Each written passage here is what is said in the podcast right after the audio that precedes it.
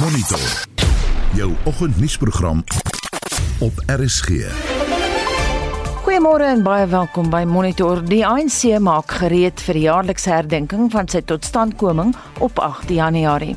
Together we must find the answer to the question how can we make a meaningful contribution to national reconciliation and reconstruction? Koalisiepolitiek gaan volgens ontleeders van jaar 'n taai tamaletjie wees vir munisipaliteite en We had this great car and uh, nowhere to go race it, so I went out and did some videos of practice and testing, and those just took off. Ons bring hulde aan 'n motorsport-ikoon. Ons span vanoggend redakteur Justin Kennerly, hy's ook ons uitvoerende regisseur waarnemend en dan Johan Pieterse is ons klankingenieur. My naam is Anita Visser.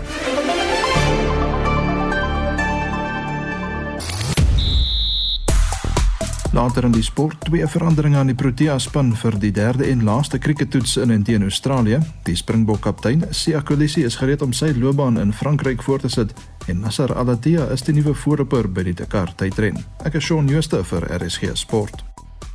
Wat ons SMS vraag betref, praat ons vandag oor mense wat jou inspireer en tot groter hoogtes aanspoor.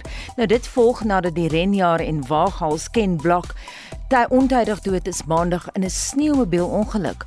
Op sosiale media deel mense hulle stories van hoe Blok se Jomkana reeks op YouTube hulle geïnspireer het om hulle eie tydren motors te bou of bloot net hulle liefde vir motors laat blom het. Vertel vir ons vanoggend wie jou inspirasie is, lewend of dood.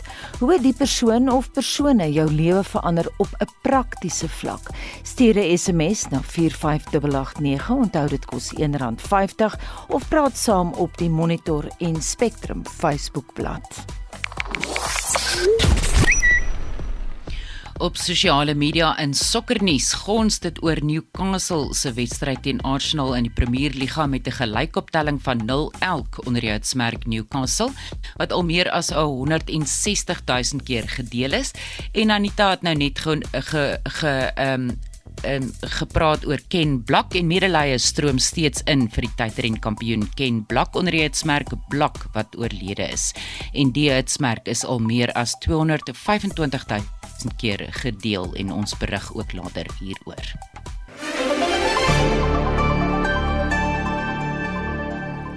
Die ANC sê voorbereidings is getref vir die jaarlikse herdenking van sy stigting op 8 Januarie. Die ANC vier van die jaar sy 111de bestaanjaar. Estie de Klerk het meer.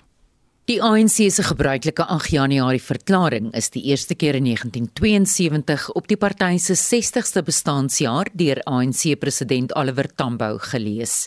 Die verklaring spruit uit 'n tydperk toe die ANC verban was en die verklaring is gebruik om 'n oproep te doen op vryheidsvegters in en buite die party om die stryd om vryheid te verstewig. Tambo het die verklaring in Lusaka, Zambië gelees met 'n boodskap onder die tema Hoekom is ons waar ons is? onderdruk, uitgebuit, vervolg en beledig.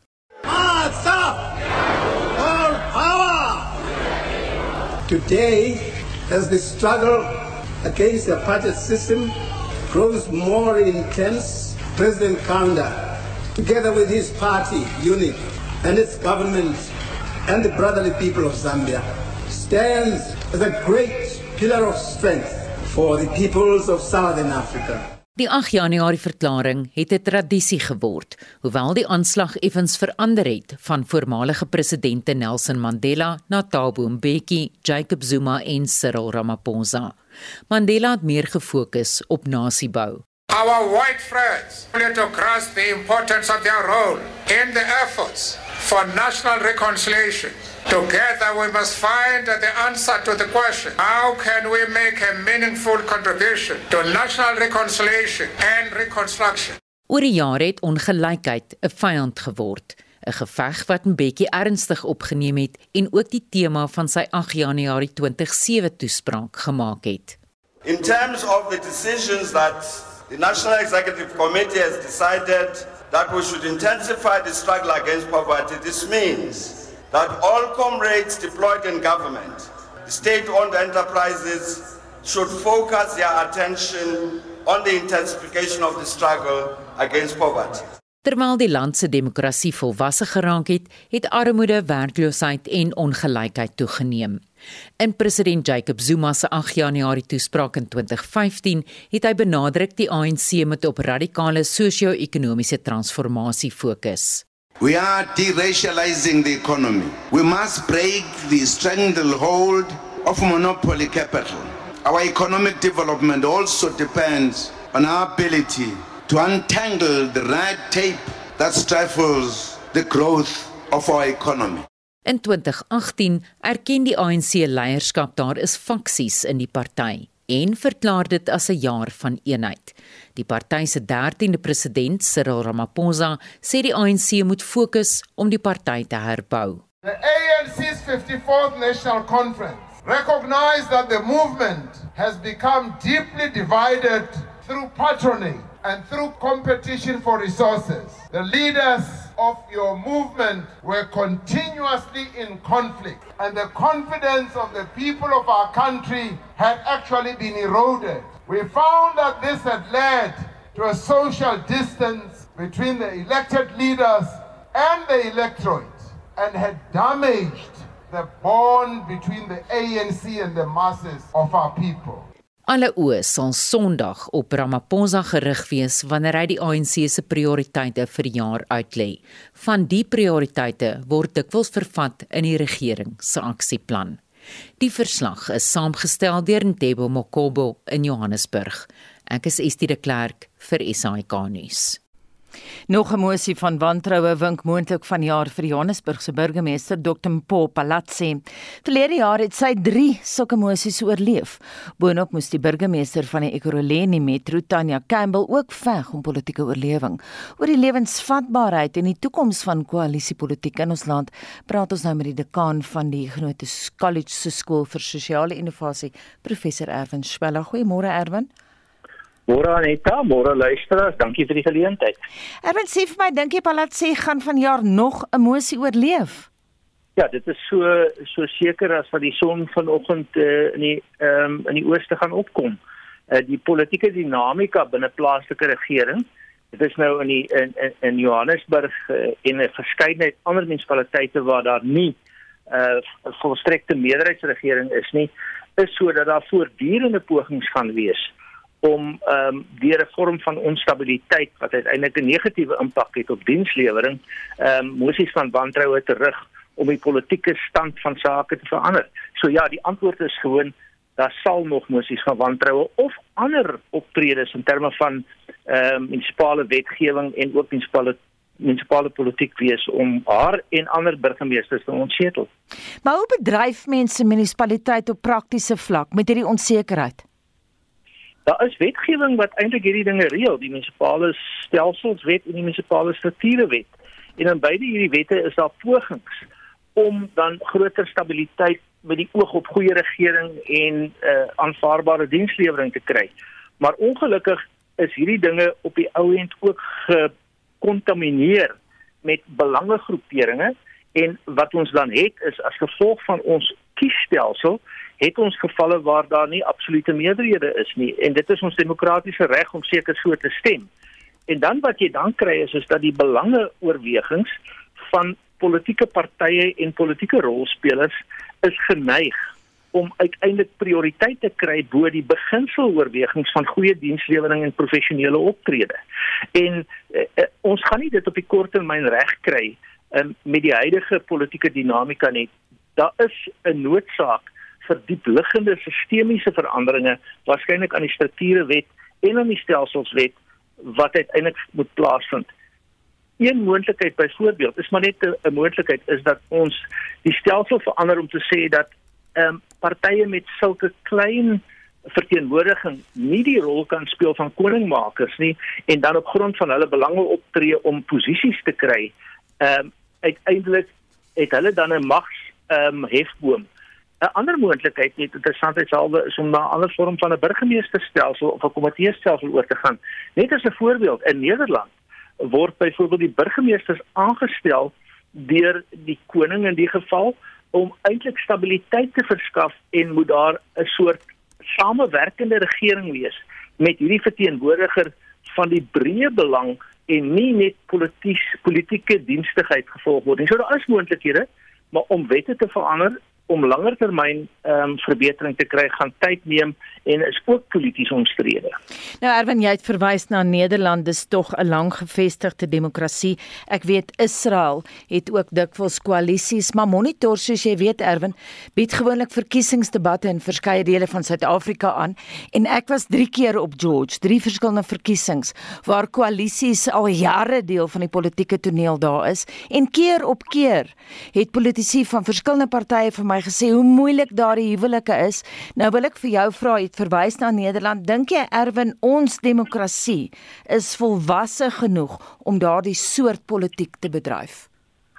Demokrasie het baie voordele. Ehm um, dit was uh, Winston Churchill wat gesê het dat uh, demokrasie is die is is heeltemal nie die beste stelsel wat ons het nie, maar dit is die enigste stelsel uh, wat wat op 'n manier kan werk. Nou, ehm um, volwassenheid in die politiek het te maak met ehm um, en in regeringskunde het te maak met 'n leerproses. Demokrasie is gelukkig wesentlik uh, uit hulle aard uit lerende organisasies. As daar oor tyd dan meer en meer lesse geleer word, kan 'n mens die stelsel verander. Dit gaan oor 'n vorm van ehm um, kom ons sê dan nou maar opgevoede volwassenheid, maar dit gaan ook dat daaroor dat die stelsel voortdurend verbeter en aanpas. So ons moet nou maar op 'n deurdagte en 'n en 'n ehm 'n deur dinge reg te doen oor tyd die stelsel laat ontwikkel. Ons moet die prys betaal vir die mislukkings wat daar is en hopelik kom daar dan langer termyn stelselsveranderinge.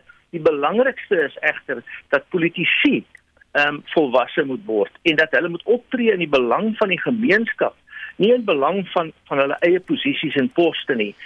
Die hele stelsel moet sodoende as 'n lerende organisasie vorder om uiteindelik vir ons 'n volwasse en 'n uh, 'n soort werkende demokrasie te gee. Ewen nou wil ek vir jou vra, ek het al van die rekord af met jou kollegas daaroor gepraat. Hoe belangrik is persoonlike verhoudings in terme van koalisiepolitiek? Daar is persoonlike elemente, ehm um, um, politici is uit die aard van die saak ook mense en op 'n bepaalde vlak uh, bepaal hulle emosies en hulle gevoelens ook hoe hulle teenoor hulle ehm um, hulle teenstanders in die politiek optree. Ons weet dat in sommige situasies uh, hierdie goed ehm um, as daar persoonlike kwessies is tussen mense dat dit dit eintlik net meer gekompliseer maak. Nou, ehm um, daar is gevalle waar koalisies beter werk onder andere omdat politici se persoonlikhede nader mekaar is dat hulle minder emosioneel optree dat hulle meer beginsels nastreef as belange. Maar dit is nie die belangrikste veranderlike nie. Jy kan daai dinge is relatief ad hoc en gebeur binne die situasie gebaseer op die persoonlike situasie.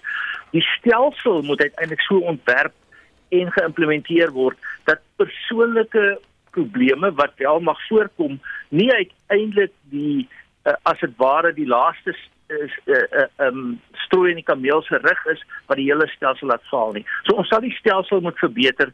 Dit 'n beter kans op langer termyn sukses as om net te hoop dat 'n paar mense wat die wat meer volwasse is, meer met beginsels optree, die ding gaan beredder. Baie dankie dit aan die dekaan van die Huguenot College se skool vir sosiale innovasie, professor Erwin Swela en hy het van Swellendam met ons gepraat. Die tyd raak min vir die land om maatreëls daar te stel om nie op die internasionale finansiële gryslys te beland nie. Twee stukke wetgewing is reeds deur die parlement goedgekeur om regulasies oor geldwasery en die finansiering van terreur te versterk. Die internasionale reguleringsowerheid, die finansiële aksie taakmag, het Suid-Afrika in 2019 uitgewys as een van die lande met die swakste wetgewing om geldwasery te stuit. 'n Finale besluit oor Suid-Afrika se status sal sal in Februarie vanjaar geneem word. Zerine Merrington het meer. Alle kenners is dit eens om op die gryslys te beland sal baie nadelig wees vir die land, in besonder hoe dit die armer bevolking sal affekteer. Die president van die Reservebank, Lesetja Ganyago, het die impak hiervan verduidelik. So the implications for the economy are massive.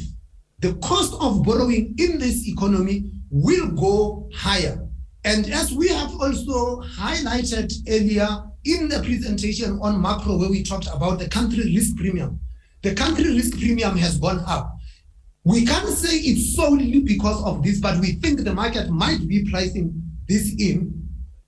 And when the grey listing takes place, those who didn't think will take place will also increase their the premium that they ask of South Africa. So the implications for the economy then is going to come through access to international capital and the cost of accessing that international capital. And I think it's important that as South Africans that we treat this with the seriousness that it deserves and prioritize it. Die tesouriese hoofdirekteur van finansiële sektor beleid, Vukile Davidson, het onlangs aan LPS gesê hulle is bewus van die impak van 'n plasing op die gryslys. The real impact, the real person uh, consequences of of graylist the the massive effect that this uh, has and the disproportional effect of a grey listing on the most vulnerable. A lot of these additional frictions will be disproportionately placed on them. So we certainly take note of that. Die regering het vier stukke wetgewing voorgelê wat daarop gemik is om skuiwergate te vernou. Maar die reguleerder kyk na meer as net die wetgewing. Die uitvoerende bestuurder by die Sentrum vir Finansiële Intelligensie, Pieter Smit, verduidelik. if we are in a stage where our legislation is still in progress, in other words, for example, still under consideration in Parliament, therefore, in, in that case, we take note of your process, but we will then greylist South Africa and follow the process, and that will become one of the action steps that we would then have to report on is the completion of the legislation and the enactment thereof.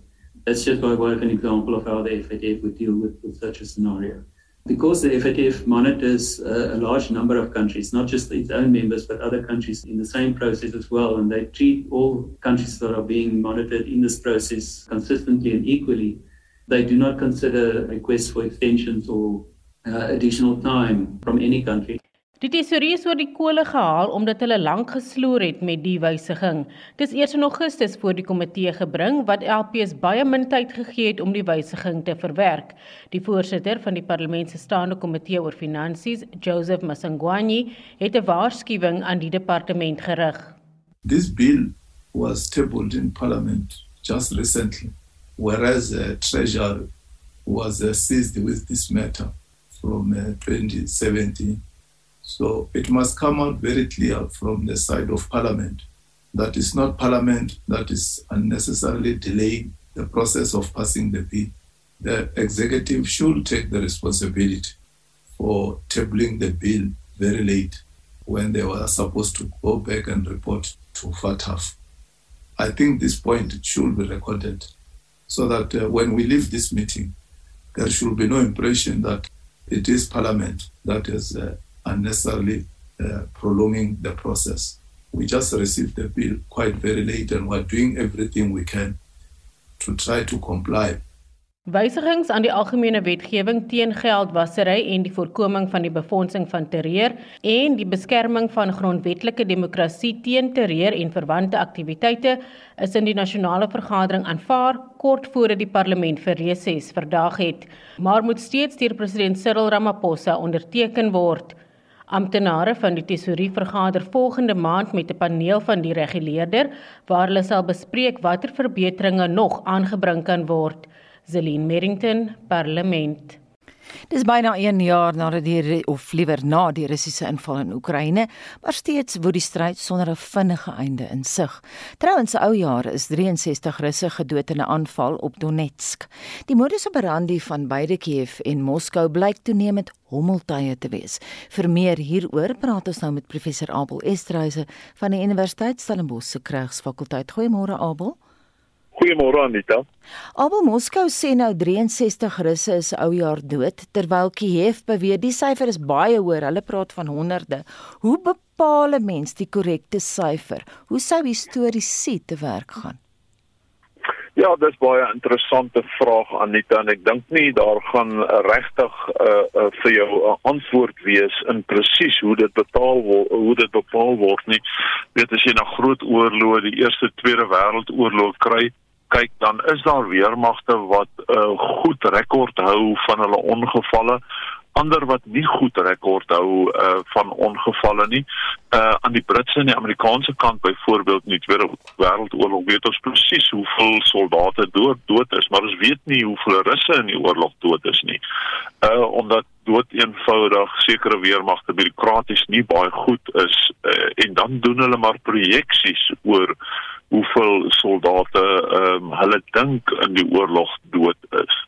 Abel gepraat van sterfte syfers. Hoeveel mense het al in die Oekraïne oorlog met hulle lewens geboet, weet ons?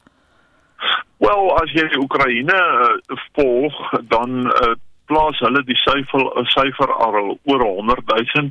Ehm um, as jy na die Britte en die Amerikaanse projeksies hieroor kyk, dan is die getal heelwat laer. Hulle gaan hier na die 80 000 russe toe wat al dood is in die oorlog. Dit sluit nie die Oekraïners in nie.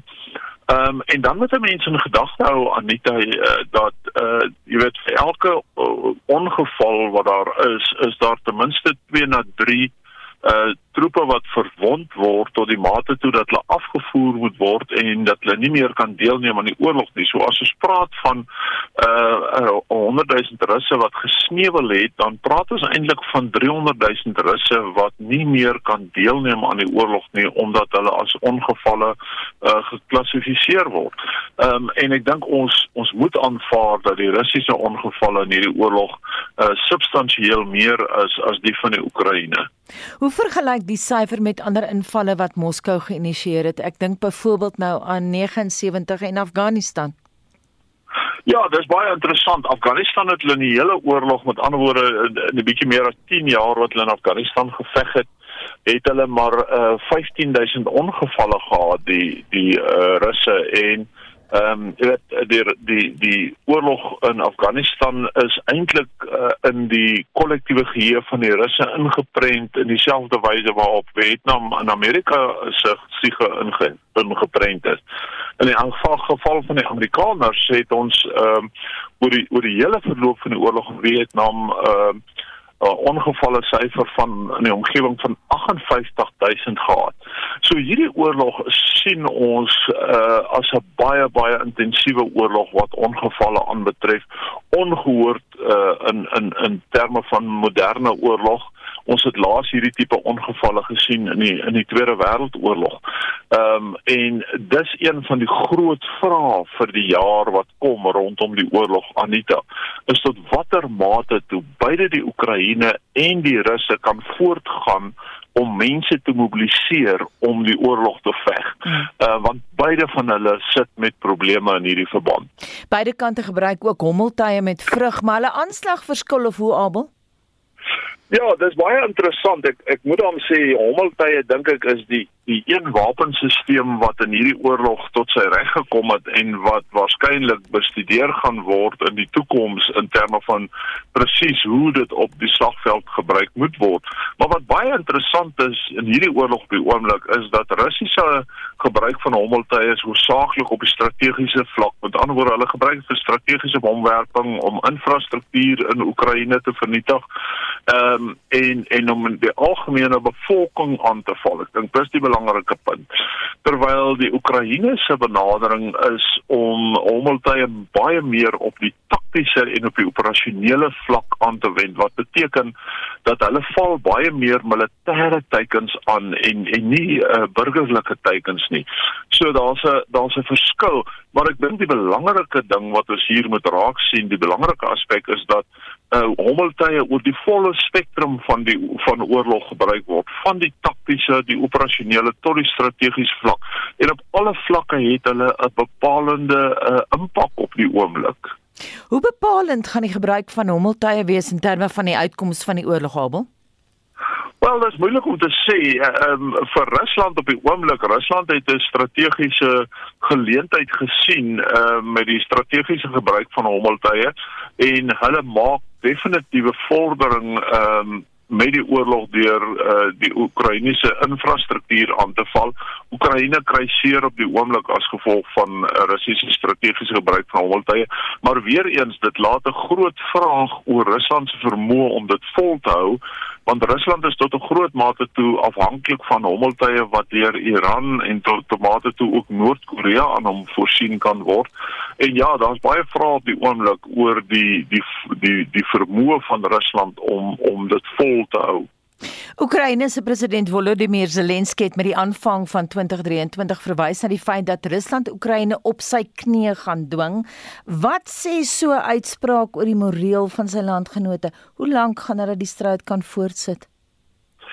Ja, dis die vraag wat op die oomblik handel. Ehm um, ek het reeds verwys na die logistieke probleme rondom uh die die die hommeltuie, maar maar logistiek in die algemeen is 'n probleem. Die mate waartoe beide ehm um, uh, partye uh, logistieke vermoëns kan mobiliseer, uh, produksie en en die verspreiding daarna na soldate toe op die front en dan natuurlik die groot vraag is personeel tot watter toe mate toe hulle personeel kan mobiliseer. Maar ek dink die die die die uitkoms van hierdie oorlog gaan tot 'n groot mate toe Anita bepaal word deur uh, beide ehm um, die Oekraïne en Rusland se vermoë om steen van buite uh, daardie twee lande te te te te mobiliseer. In die geval van uh Oekraïne het ons gesien dat hulle oorwoë poging ingesit het uh, en nog steeds insit om die weste veral ehm um, so ver te kry om wapentuig te voorsien om die oorlog voort te sit. En ek dink eh, jy weet eh, uit 'n uit 'n strategiese perspektief gaan die weste se steun aan Oekraïne waarskynlik die deurslaggewende faktor uiteindelik raak in terme van hoe strategies effektief hulle sal kan handel in in hierdie oorlog.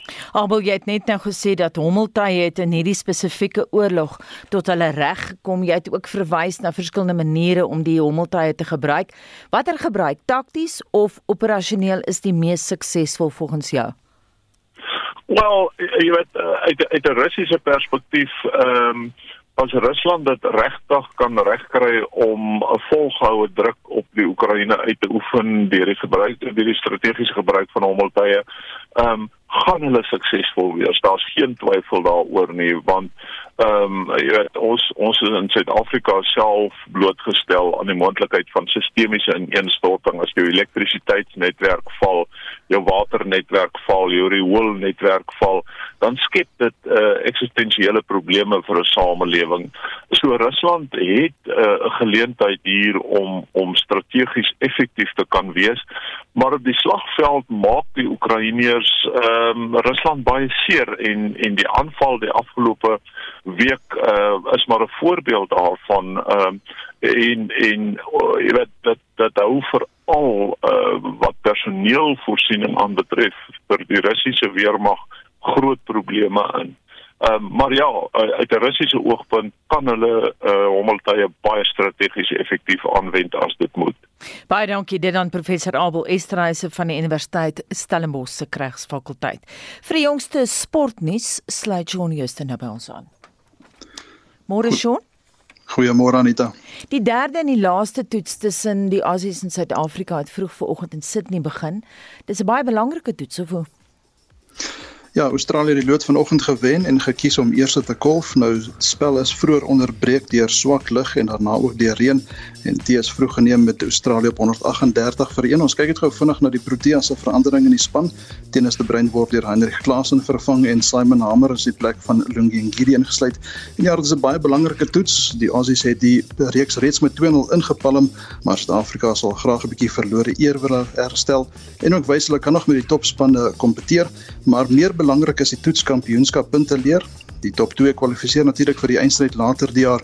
Die Proteas is vier net nog 'n baie klein kans om vir die eindstryd te kwalifiseer. Sjoe, daar's ook ander cricket wat jy dophou? Ja, dit is dag 3 van die tweede toets tussen Pakistan en Nieu-Seeland. Pakistan begin die dag op 154 vir 3 in hulle eerste beurt. Dit is in antwoord op Nieu-Seeland se eerste beurtelling van 449 en dan het Indië Sri Lanka in die eerste van 3 T20 wedstryde gister met twee lopies geklop. Die tweede wedstryd vind môre plaas. En dan sien ek die Springbok kaptein Sia Kolisi sit sy loopbaan na die Wêreldbeker toernooi in Frankryk voort. Ja, Colissie sal na die Wêreldbeker toernooi in September en Oktober in Frankryk by die Franse klub Racing 92 aansluit. Nou sy kontrak met die Sharks sou eers in 2026 uitloop, maar die Sharks het ingestem om hom vroeër te laat aanbeweeg. Colissie sê hy wil graag onder die Suid-Afrikaanse rugby kollig uitkom. Ons het gister verwys na die feit dat die begin van die jaar beteken Dakar en drie skofte is nou voltooi in daai tydren in Saudi-Arabië. Die Fransman Gerla Shishari het gister se verkorte derde skof gewen Nasser Al-Attiyah van Qatar en sy Toyota Gazoo is nou die algehele voorloper. Hy is net so oor die 13 minute voor na die Spanjaard Carlos Sainz heelwat probleme in die derde skof gehad het, so uur plus verloor. Suid-Afrika se Janiel de Villiers vaar uitstekend en hy is nou algeheel 4de en vandag se vierde skof is 425 km lank. En dan Shaun Larsen se hele reeks sokkerwedstryde is gisteraand afgehandel. Wat is die uitslaa daar? In die DStv Premier League het Mamelodi Sundowns vir Marokko Swallows met 2-0 geklop. Hulle bly bo aan die punteleer. Cape Town City verloor hulle tuiswedstryd 1-0 teen SuperSport United. United is nou tweede op die punteleer. Sekhukhune het ook 3-2 teen Marumo Gallants geseëvier en Royal AM en TS Galaxy eindig die wedstryd soos hulle begin het, doelloos. En dan kyk ons ook gou vinnig na die uitslae in die Engelse Premier League. Manchester United 3, Bournemouth 0. Daar was 'n gelykop uitslag 0 elk tussen Arsenal en Newcastle United. Brighton en Hove Albion het Everton met 4-1 afgeronsel en Leicester City verloor hulle tuiswedstryd teen Fulham met 1-0. Baie dankie dit aan Shaun Schuster van RSG Sport. Vir meer oor die jongste statistiek oor die lang naweek se padverkeer in die Wes-Kaap, praat ons met die kommunikasiehoof van die departement van vervoer Jandrey Bakker. Goeiemôre Jandrey. Môre Anita. Jandrey, hoe besig was die Wes-Kaap se paaie die lang naweek? Dit was sommer baie besig as ons veral kyk na die N2 wat jou tradisionele besige roete oor hierdie periode is. Soos wat die mense nie net ehm um, lang naweek neem maar ook daguitstappies neem, was ons hoogste vervoer op hoogste volume uh, op die N2 by Senouries pas op Nuwejaarsdag waar ons ongeveer 3000 hier by middagete se kant 3000 voertuie per uur uitvaart en terselfdertyd 2.500 voertuie per uur inwaarts gehad het. So dit was bitter besig. Die Weskus het ook lekker verkeer gedra soos wat ouens daar na die nasionale parke toe is. Die N1 was redelik stil met sy tussen 6 en 700 voertuie per uur. Ehm uh, maar dit is te verwagte. Daai verkeer neem gewoonlik toe hier op die 2 Januarie wat ons gister gesien het, ag eergister gesien het en dan sien ons dit weer hierdie komende naweek soos wat die lang afstand openbare vervoer weer terugkeer Kaap toe. En hoeveel padongelukke was daar? Op hierdie stadium was dit 'n baie goeie en dit dis aardig om te sê dit was 'n goeie naweek as daar selfs een sterfte was, maar daar was 14 noodlottige botsings gewees en 14 ehm um, sterftes. So as ons dit vergelyk met toe ons verlede week hierdie tyd gesels het met die 37 ehm um, sterftes is dit vir ons baie beter ehm um, wat het 'n baie beter tydperk gewees. As ons gaan kyk na daai wat ek en jy altyd oor gesels voetgangers, mm. dit bly vir ons ons probleem. Ehm um, verlede week was daar 20 uh, eh, voetgangers, hierdie week slegs 9. Maar as ons dit as 'n persentasie gaan uitwerk, is dit steeds 65% van alle sterftes op padsterftes bly voetgangers. Ja, ek weet jy sê dit herhaaldelik en jy doen dan ook 'n beroep op mense om helder klere te dra en sê dan ook vir motoriste om op die uitkyk te wees vir die voetgangers. Maar baie van die voetgangers het 'n probleem met drank. Hoe groot probleem was dronk bestuur tot dusver hierdie kersseisoen? Dit is ons absolute grootste ehm um, grootste probleem. As ons kyk na verlede week se statistiek uit die ehm um, uit die 164 arrestasies wat ons gemaak het, as 110 vir dronk bestuur. As ons hierdie week sin kyk met ander woorde wat nou insluit van die 28 Desember tot die 2 Januarie, was daar 103 arrestasies waarvan 70 vir bestuur onder die invloed van alkohol was. As ons gaan kyk na historiese data en ons gaan kyk na weer eens voetgangers, was by verre die meerderheid van voetgangers wat op die ouende getoets is vir bloedalkohol. Ons toets nie almal natuurlik nie, um, maar die wat getoets is, was die verre meerderheid ook onder die invloed van alkohol. So alkohol en padgebruik bly vir ons 'n groot probleem en dit bly een van die hoofdeterminante indien iets sou gebeur was daar waarskynlik iewers alkohol betrokke in ten minste 50 na 70% van die geval. Andre, jy moet onthou dat van ons luisteraars terwyl hulle na hierdie onderhoud luister, is juis op die pad. Enige raad vir hulle? Sit aan jou hoofligte, maak seker jy is vasgegordel, raak rustig. Die ehm um, spoed is vir ons 'n baie ernstige probleem ehm um, omdat dit jou jou reaksietyd bietjie korter maak. Ons kyk na die hoogste snelheid in die afgelope week van 178 en 120 sone. Dit is absoluut onaanvaarbaar. So maak seker dat jy jou deel doen. Ehm um, dit is frustrerend as jy sien ander mense doen nie hulle deel nie, maar as jy jou deel doen, is dit klaar 50% van die probleem uh, opgelos. So baie dankie ook aan daai padgebruikers wat by die reëls van die pad hou. Dit is bly die verre meerderheid. As ons gaan kyk na die hoeveelheid voertuie wat ons stop in die afgelope week hier oor die 40000 voertuie, amper 42000 voertuie, net 152 van hulle het iets fout gehad wat of 'n bestuurslisensie of 'n voertuiglisensie wat. So dit wys die verre meerderheid van ons uh, padgebruikers is verantwoordelik en ons wil vir hulle baie dankie daarvoor sê. Um, maar daar is daai daai vrot appels en ons is besig om hulle een vir een uit te werk. En so sê die kommunikasiehoof van die Wes-Kaapse Departement van Vervoer, Jan Rey Bakker. 'n Gewilde Amerikaanse renjaer, bekend vir sy Gymkhana reeks op YouTube, Ken Block, is dood. Hy het maandag op die ouderdom van 55 gesterf in 'n sneeubebeel ongeluk in Utah, Amerika. Estie de Klerk het die berig saamgestel. Ken Block was 'n visionêr pionier en ikoon en die belangrikste 'n pa en man. Hy sal ongelooflik gemis word. So lei die boodskap wat Blak se renspan Hoonigan gister op Instagram geplaas het nadat hulle sy dood bevestig het. Ken Blak was 'n tydrenkampioen, aksiesportster en medesigter van die maatskappy DC Shoes. Hy het veral bekendheid verwerf met sy Gymkhana reeks waar hy met kragtige motors in stuur en lughawens toertjies doen en om hindernisse ry met skreeuende bande en trillende engines wat die klankbaan verskaf.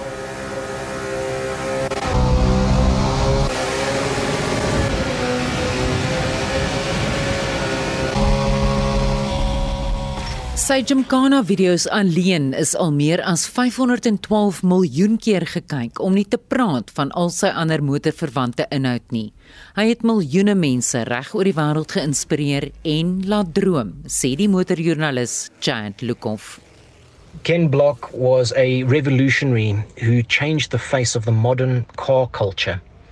First starting out with DC Shoe Company as a co-founder, he went on to create the Hoonigan division and became an internet sensation with his YouTube series Gymkhana, where he displayed a unique set of driving skills in a manner that we hadn't seen before.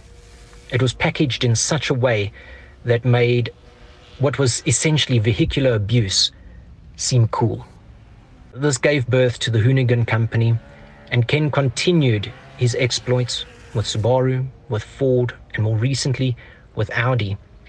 He was an extremely talented man behind the wheel, hyper focused if you ever met him at an event. But I was fortunate enough to spend some one on one time with the man and got to see him with his guard down. Warm, friendly, jovial, full of energy and full of life, and just passionate about sharing his adventures with people out there. He's been a massive inspiration to an entire generation of car enthusiasts. Hy het ook onlangs sy tienerdogter Lia begin leer hoe om die kragtige motors te beheer. Sy deelgeneem aan die reeks Unicorn versus the World, waar hulle sy Unicorn Mustang met 1400 perdekrag jaag teen ander motors met enigiets van 600 tot 2000 perdekrag. Sy plan vir Lia was om enige leiersels by hom oor te neem. So one important thing for us as a family has been that the kids have to earn everything that they do. And one way that they earn it is doing well in school. So you are still an honor roll student, right? Mm-hmm. Well, come on, bring it in. What happens if you drop off on a roll? If I don't get this piece of paper at the end of every quarter, no racing for me. Yeah. So we are very proud of her. All our kids work hard. Boodskappe van medelee stroom nog in met talle wat Blok bedank vir sy inspirasie en die invloed wat hy op hulle lewens gehad het. Die verslag is saamgestel deur Justin Kennerly. Ek is Estie de Klerk vir SAK nuus.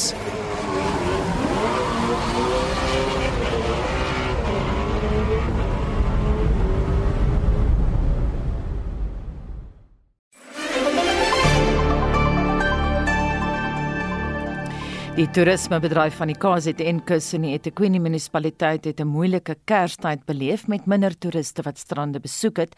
Talle strande in die gebied is reeds geruime tyd gesluit weens rioolbesoedeling en ons praat nou daaroor met die DA se woordvoerder vir samewerkende regering in KZN, Martin Meyer. Goeiemôre.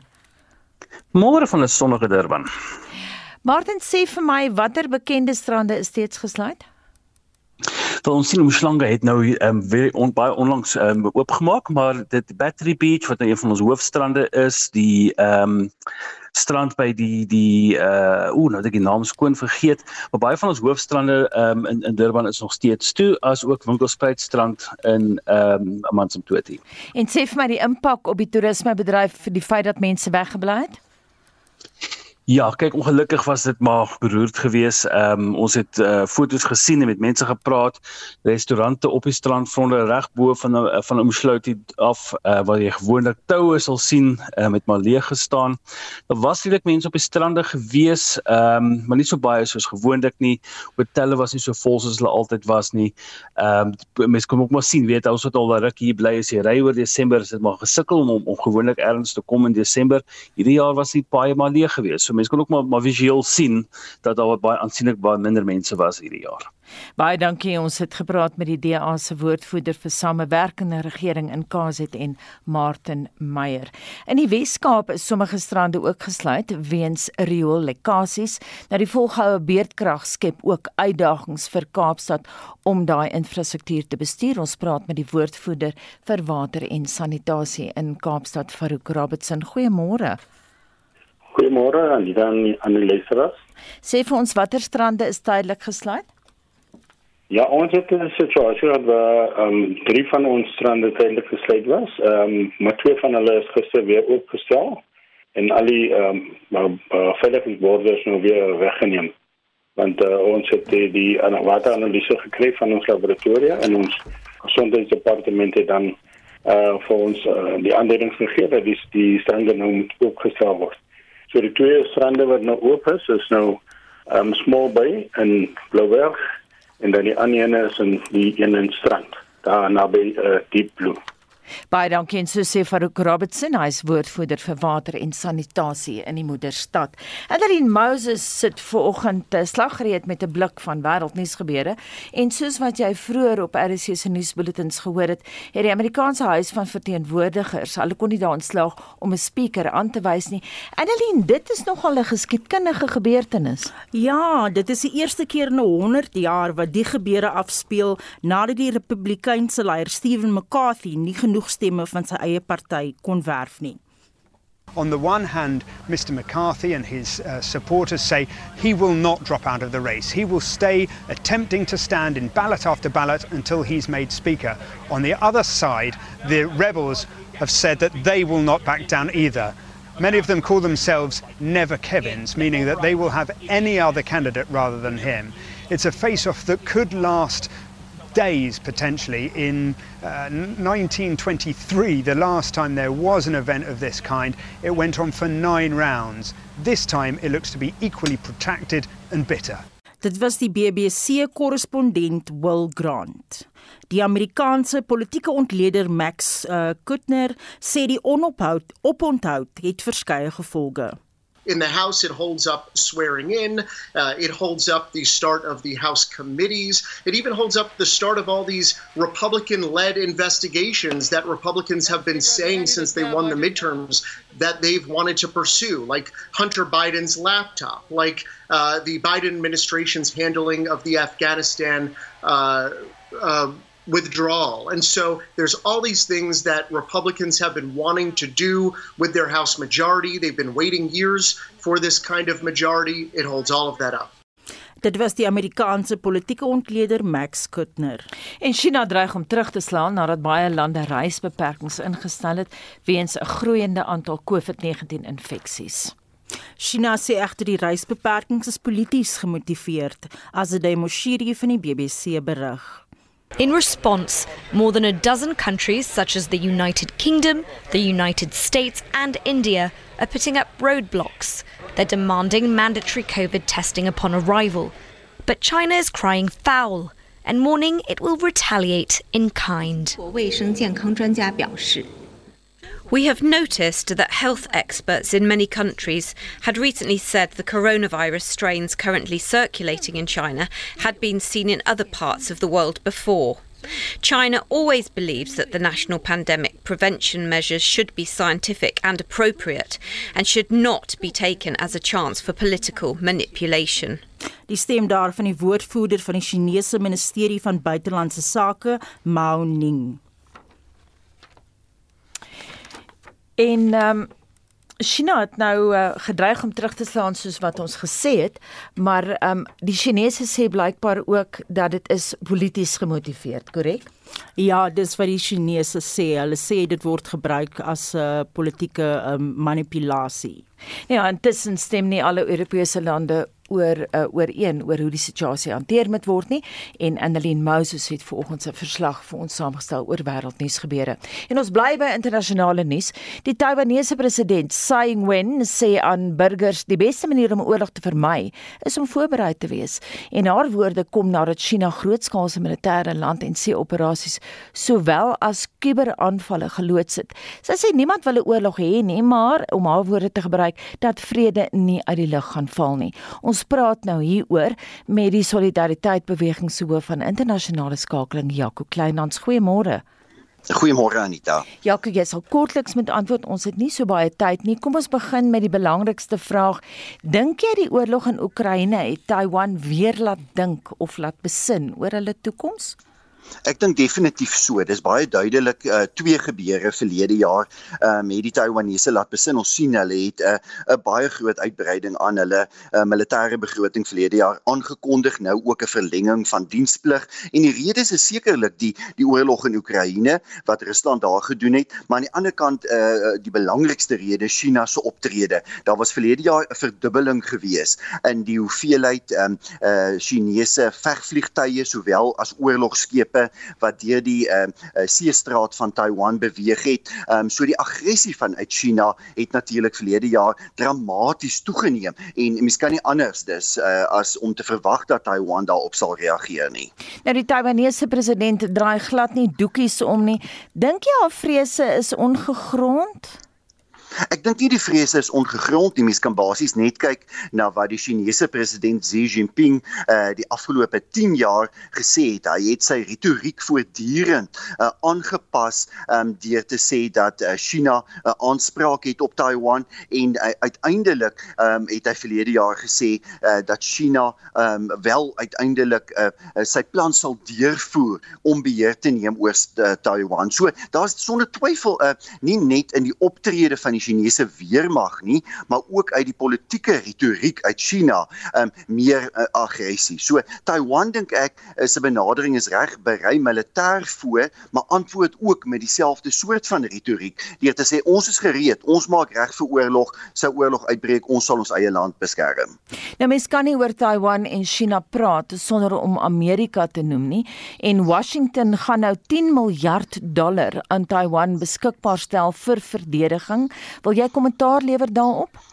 Ja, sekerlik. Eh, kyk, um, Amerika um, het die, natuurlik die afgelope paar dekades 'n baie versigtige benadering gevolg oor presies hoe om uh, Taiwan uh, te benader. Uh, daar was altyd 'n noue verhouding, maar nie noodwendig di direkte diplomatieke bande gewees nie. Verlede jaar um, het dit 'n bietjie verander. Ons het twee uitsprake van die Amerikaanse president Joe Biden gesien waar hy gesê het dat uh, Amerika by Taiwan sal staan sou uh, Taiwan aangeval word. Presies die die praktiese uitvoering daarvan weet ons nie. Behels dit dat Amerika uh, letterlik soldate sal stuur? Ons weet nie maar toe het ons ook gesien dat die speaker van die huis van verteenwoordigers Nancy Pelosi uh, natuurlik verlede jaar Taiwan besoek het en dat dit toe nou 'n hele debakel eintlik veroorsaak het en daardeur eintlik Amerika baie baie direk uh, of meer direk betrokke gemaak het by hierdie hele kwessie en, en ons kan eintlik vermoed uh, dat dit sal voortduur dat Amerika Taiwan sien uh, die hele Taiwan kwessie sien as deel van die stryd teen China China